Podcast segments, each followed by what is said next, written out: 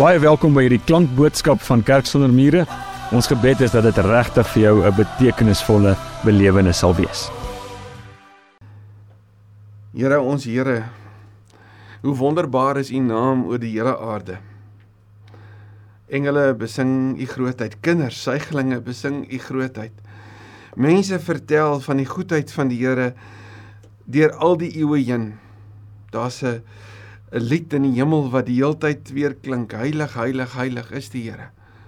Ons wil dit vandag kom verklaar. U is die heilige, die almagtige God. U is ook die Here van deernis en omgee. Wat diep omgee oor u mense. U is die Here wat saam huil, wat trane afdroog en wat nuwe lewe bring. U is die Here wat ons inspireer en ons bemagtig en ons uitstuur.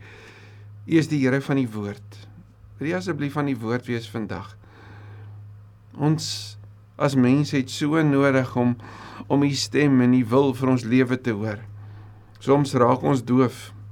Soms raak ons afgestom. Soms word ons harte hard en mis ons uit op wat u sê.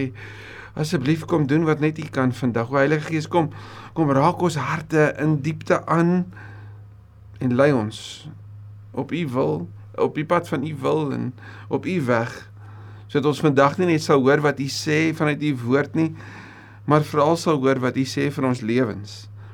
En help ons om in gehoorsaamheid ook daarop te antwoord. Spreek Here. Die kinders is bymekaar en ons luister. Waar dit ook al mag wees, ons luister met verwagting in Jesus se naam bid ek dit. Amen.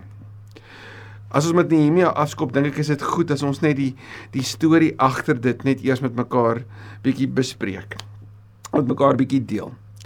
Net na die uittog bevind Israel hulle in 'n ruimte van ongemak. Ek bedoel, hulle is in die woestyn as dit ware. Hulle hulle soek na die leiding van die Here. Ja, die Here het hulle uitgelei uit slawerny uit. Ja, het hulle deur die deur die see gelei. Ja, het hulle beskerm.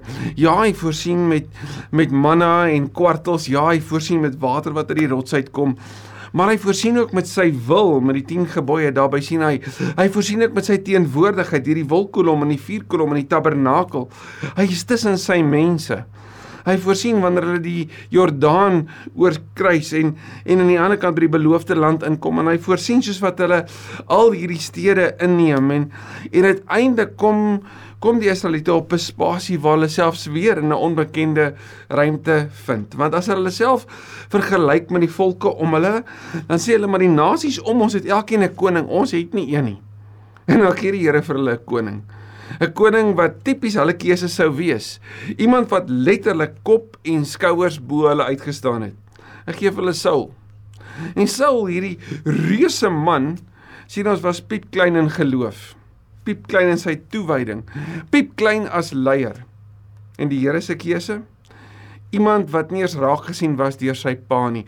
Iemand wie se pa nie eers kon sien, hoorie, maar hy's dalk 'n opsie om gesalf te word deur Samuel as koning nie. En dan kies die Here 'n musikant, 'n herder, die kleinste, die jongste, die een wat ons waarskynlik die minste sou verwag om eintlik die koning te wees. En Dawid, hierdie man na God se hart, hierdie man wat die Here se wil soek, hierdie man wat die Here liefhet, wat wanneer hy voor Goliat te staan kom, sou sê, maar dit gaan nie oor jou nie. Dit gaan oor die Here van die linies van Israel, oor sy naam. Gaan oor hom en daarom sal ek jou verslaan wat dan die koning word. En ja, ons weet Dawid het ook droog gemaak. Dawid het ook foute gemaak en ons sien in Psalm 51 hoe groot berou hy daaroor het maar die Here skryf sy storie. Soos wat die Here geskryf het met Dawid se se ouma grootjie, nê. Ons ken die storie van van Rut en van Naomi en en hoe hulle wegbeweeg het uit Bethlehem uit net om weer terug te kom. En hoe God sy storie steeds skryf in die lewe van Dawid want want die die vrou met wie Dawid oorspel gepleeg het word uiteindelik ook die mamma van die wysste man van alle tye van daai tyd in elk geval Salomo. En ons sien dat dat dat Salomo sy pa se se hart, se passie om vir die Here 'n 'n plek van aanbidding te bou. En die Here het gesê ek woon nie in in geboue nie, maar Dawid sê Here asseblief, maak dit vir my moontlik dat ek net vir U 'n ruimte kan bou want ek wil hê die mense moet weet, die volke moet weet. U is goed vir ons want Dawid was self die magtigste koning van daai tyd was het nie die voorreg gehad om die tempel te bou nie, sy seun Salomo het dit toe gedoen. En hierdie plek, hierdie tempel word die die fokuspunt van Israel. En na Salomo oorlede is, toe druk alles uiteindelik trek alles uitmekaar uit. Toe is dit skielik chaos. Van sien, toe Salomo oorlede is en die wysheid as dit ware terugbeweeg, is daar skielik spanning en daar's verdeling. Ons mos maar altyd verdeling as dit oor mag gaan. En die noordryk en die suidryk verdeel. ons sien die die boonste 10 stamme verenig hulle self rondom die naam Israel en die onderste twee stamme wat daar rondom Jerusalem hulle self bevind, verenig rondom die naam van Juda. En toe raak dit net al hoe slegter. En in die jaar 522 voor Christus, ag skus 722 voor Christus, word die Noordryk deur 'n buurvolk, die Assiriërs, ingeneem. En hulle word in ballingskap weggevoer. Dit is nie Assiriërs en die Israeliete van daai tyd Israel is daar hierdie vermenging en daar's 'n basternasie as jy wil wat daaruit na vore kom wat later bekend sou staan as die Samaritane. Want sien van dat Salomo oorlede is, het elke nuwe koning wat in die noordryk verskyn het, het die een was een slegter as die ander een. En die gevolg daarvan ballingskap. Die suidryk was nie veel beter nie. As ons gaan lees oor die suidryk, dan gaan jy sien dat die een koning was getrou, die ander een ongehoorsaam. Die een was daarna was weer regverdig en het die Here se wil gesoek en die ander een het weer gerebelleer daarteenoor en het die afgode gedien. En wat is die gevolg daarvan? Nie minder nie as 136 jaar later na die die noordryk in ballingskap weggevoer is deur die Assiriërs, word die suidryk in in die jaar 586 voor Christus deur die Babiloniërs ingeval. En neem die die koning van Babel die die beste van Israel die beste wat oorgebly het ons noem hulle dan Juda die suidryk neem hulle na na Babel toe. Ons ken ons die storie van Daniël en en sy vriende ja so word die topleiers weggevoer na ballingskap. En as jy kan onthou het Jeremia dit voorspel. Hy het in Jeremia 29 gesê terwyl die valse profeet in Jeremia 28 gesê het net 2 jaar dan kom ons terug is Jeremia nee 70 jaar. 70 jaar is 'n lang tyd. 70 jaar beteken dat daar mense is wat gebore sou word in in ballingskap wat nie die land van hulle voorvaders wat nie hulle storie sou ken nie. Wat in die vreemde dalk gebore sou word en in die vreemde sou kon sterf ook. Verwyder van van hierdie plek wat wat Dawid en Salomo gedroom het hierdie plek van aanbidding Hierdie plek wat so die profesie later ook daarna sou verwys waar waar waar die troonopvolger sou kom, waar die Messias sou kom. So raak hulle verwyder daarvan. Maar so getrou is wat die Here is, het hy in Jeremia 29 mos gesê, na 70 jaar gaan julle terugkom. Na die die volledige tyd in ballingskap klaar is, sal julle terugkom. En dit gebeur ook so. En hierdie verhale gaan jy lees in die boeke van die van Kronieke. 1 en 2 Kronieke gaan jy dit sien. 1 en 2 Konings gaan lees dit gerus as agtergrond. Maar dan lees ons 2 Kronieke hoofstuk 36 vers 23 sê koning Kores van Persië het uh, het bekend gemaak. Die Here, die God van die hemel, het al die koninkryke van die aarde aan my gegee. Wat sê hierdie hierdie Persiese koning? Ek is die magtigste van alle konings op aarde. Hy sê die Here het dit vir my gegee wat natuurlik 'n besondere erkenning is van sy posisie in die rangorde van die antieke samelewing, nie waar nie? Hy het my beveel om vir hom 'n tempel in Jerusalem in Judea te bou.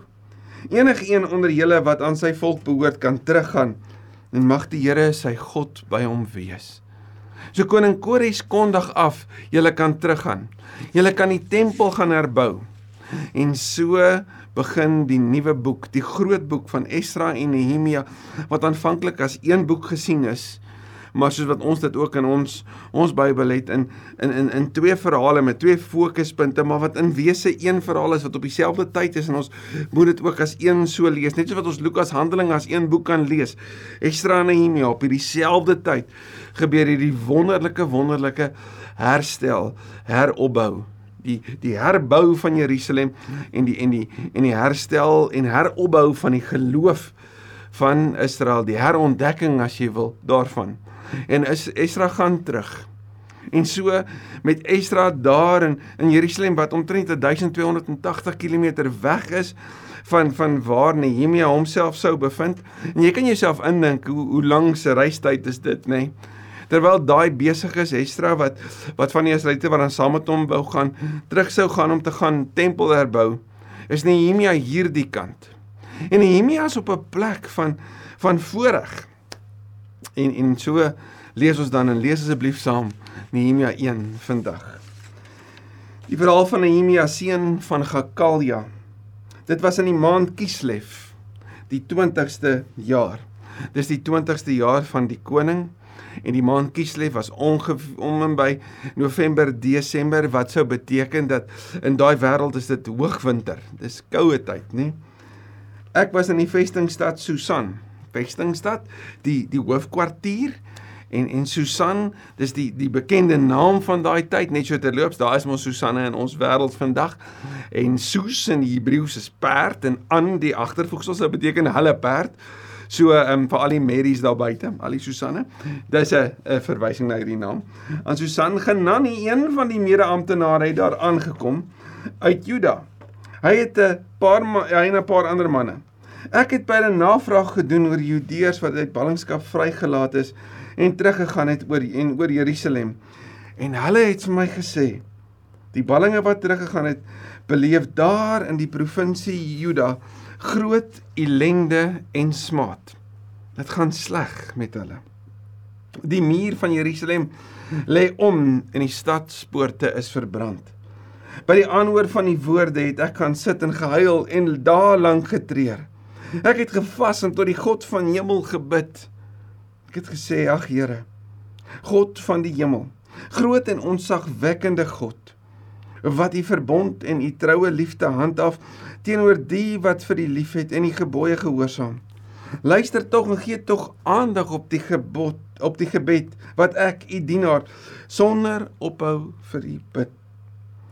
Ek bid vir die dienaars, die Israeliete. Ek doen belydenis van die sondes wat ons teen U begaan het en ook ek en my familie het gesondig. Ons het U nie geëer nie.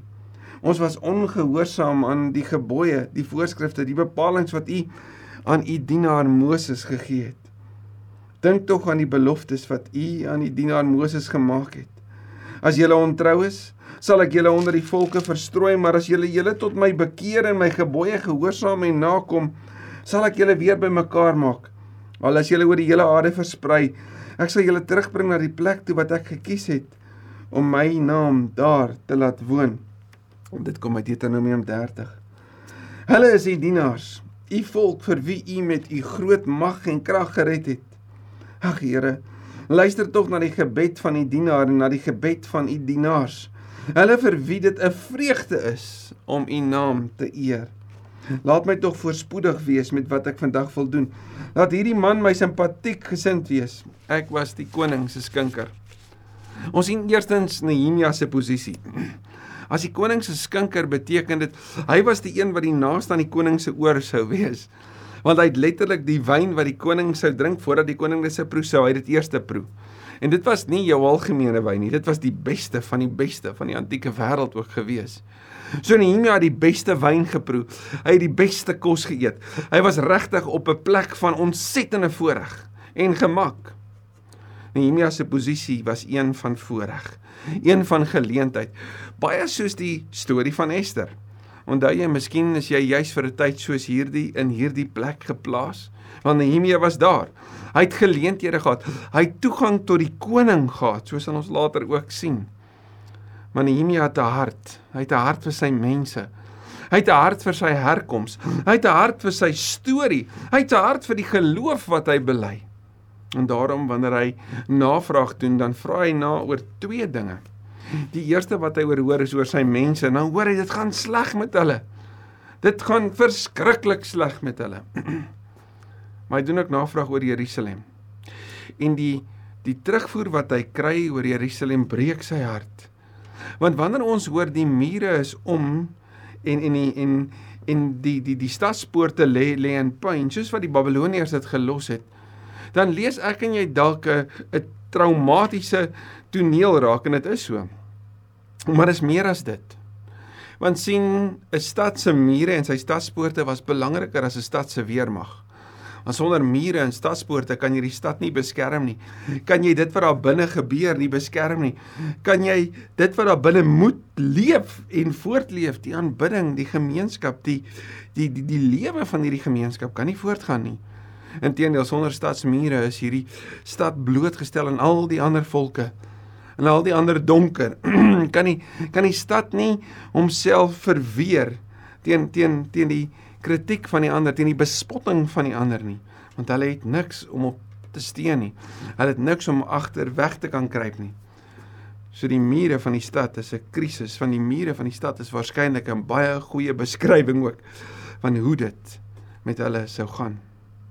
En wanneer Nehemia met sy hart vir sy mense wat 1280 km weg van hom af is, hier waar hy in 'n plek van voordeel is wat jy sou kon dink dat sy plek van voordeel en gemak om afgestom sou kon maak van wat daar gebeur waar hy sou kon sê maar dis nie my probleem nie. Word ons nie maar sy hart is steeds daar. Selfs sy plek van voordeel word nie 'n plek waarna hy kon wegkruip nie. Inteendeel soos Maslatsi Mashua 'n paar jaar terug hier by ons die woord oopgebreek het, het hy het hy vertel we need to leverage our privilege. En en en Nehemia het besondere voorreg en ons gaan sien hoe hierdie voorreg wat hy het benut tot voordeel ook van sy mense. Maar eers wanneer Nehemia se hart navraag doen, dan sien ons die tweede dat Nehemia se hart breek. Daar staan letterlik dat in sy reaksie dat hy gaan sit het en hy het gehuil.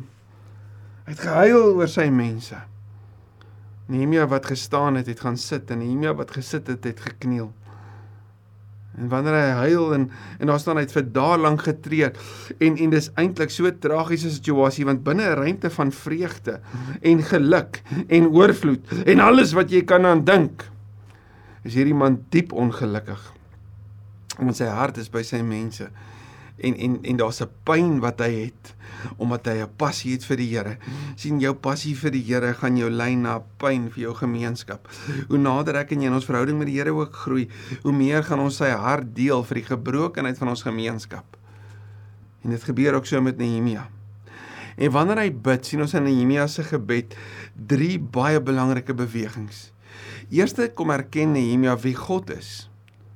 En tweedens kom sê hy wie ons is wie die mens is.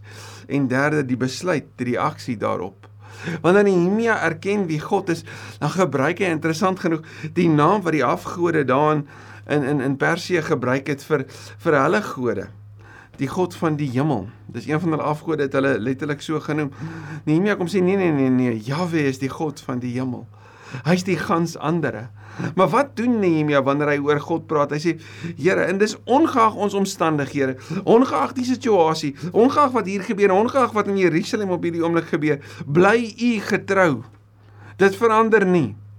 As ons wêreld skud, moet ons belydenis nie skud nie. Inteendeel, wanneer ons wêreld skud en onstuimig is en ongemaklik is en ongerieflik raak, laat ons steeds onthou wie die Here is." Onthou jy dis die Here van Eksodus 34 vers 6.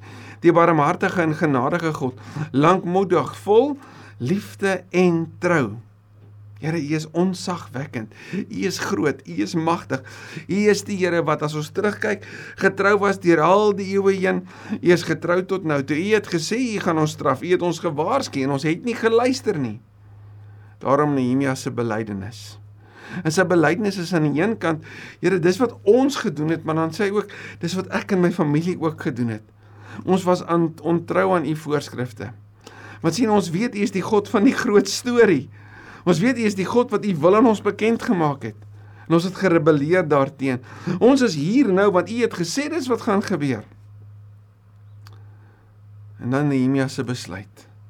Sy besluit na sy belydenis is nie net om daar te bly nie, maar om te sê Here, as ek bely het. Ek erken wie U is, ek erken wie ons is. Here, maar maar maar ek wil graag iets doen.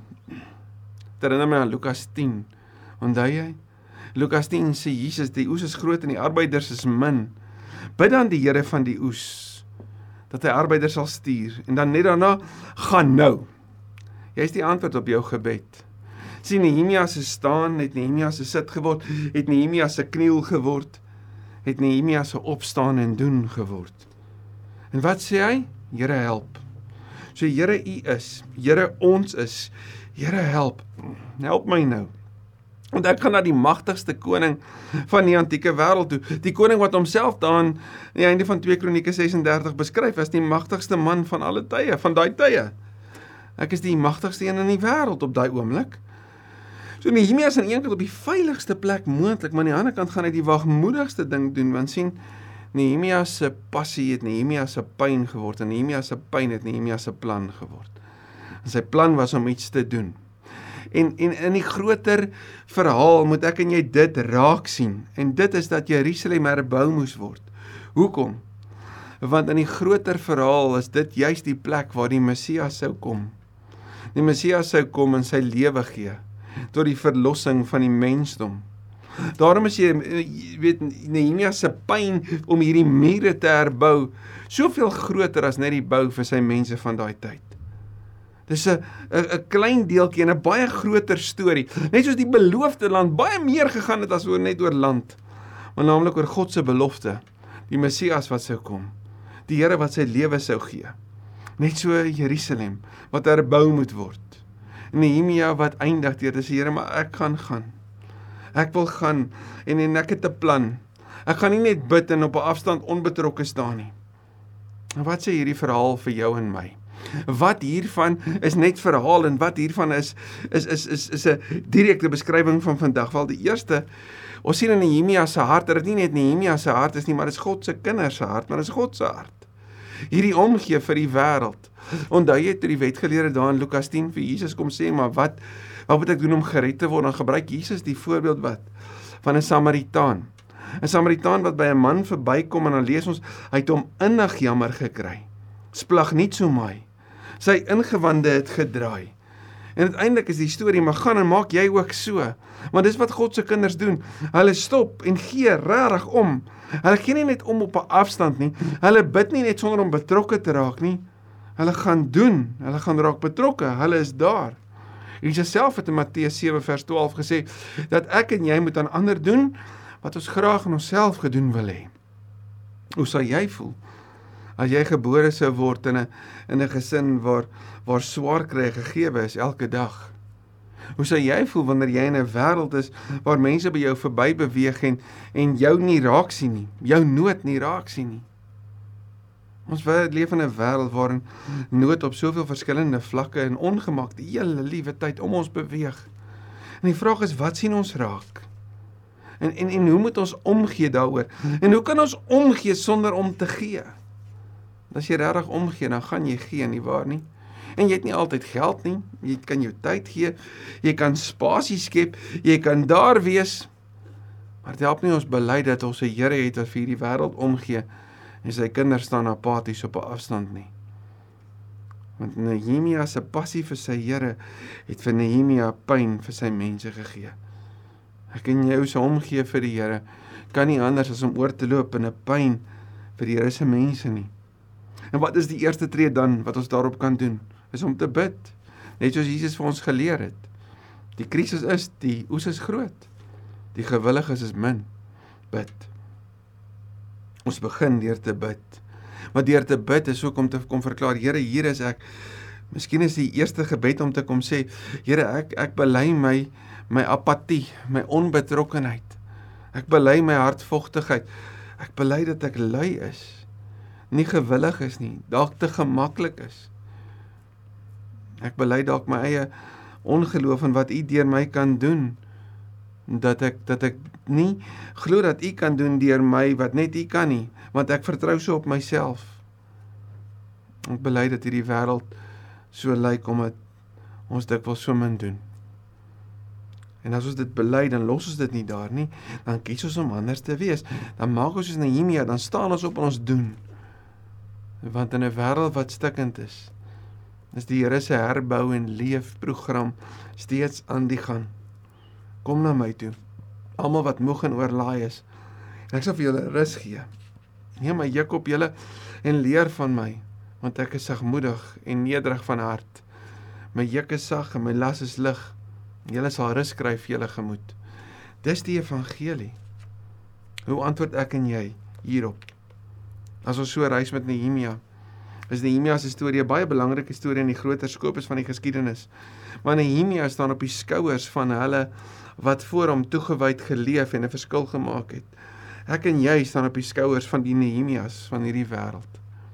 Hulle wat gesê het, Here, hier is ek. Stuur my. Amen. Ek wil graag vir ons 'n gebed lees van Sint Francis van Assisi. 'n Franciscus was was 'n monnik gewees en daar word vertel dat elke keer wanneer hy by 'n klooster sou gaan die woord bedien het, het hy gevra waar's julle toilette? En dan het hy eers gegaan en die toilette gaan skrob voordat hy gepreek het. Want hy het gesê ek is nie werd om die woord van die Here te bedien as ek nie bereid is om ander te dien nie. So kom ons sluit die oë. Here maak my 'n instrument van u vrede. Waar daar haat is, laat my liefde bring. Waar daar oortredings is, vergifnis. Waar daar twyfel is, geloof. Waar daar wanhoop is, hoop. Waar daar duisternis is, lig. Waar daar droefheid is, vreugde. O Heilige Meester, gee dat ek in plaas daarvan om vertroosting te soek, ander sal vertroos om begrip te soek, ander sal verstaan. Om liefde te soek, ander sal bemin. Want dit is deur te gee dat ek ontvang, deur te vergewe dat ek vergewe word. En dit is deur te sterwe dat ek die ewige lewe beerwe. Amen. Mag die Here se goedheid, sy guns, sy liefde, sy teenwoordigheid so oor jou wees dat jy lig vir die wêreld sal wees. Amen. Indien hierdie boodskap vir jou iets beteken het, dan wil ek vir jou vra, deel dit asseblief met iemand wat jy ken. En moet asseblief nie vergeet nie, ons sal jou bitter graag wil verwelkom by ons in-persoon eredienste op Sondag. Vir meer inligting oor Kerk sonder mure, is jy baie welkom om ons webtuiste te gaan besoek of ons op sosiale media te volg.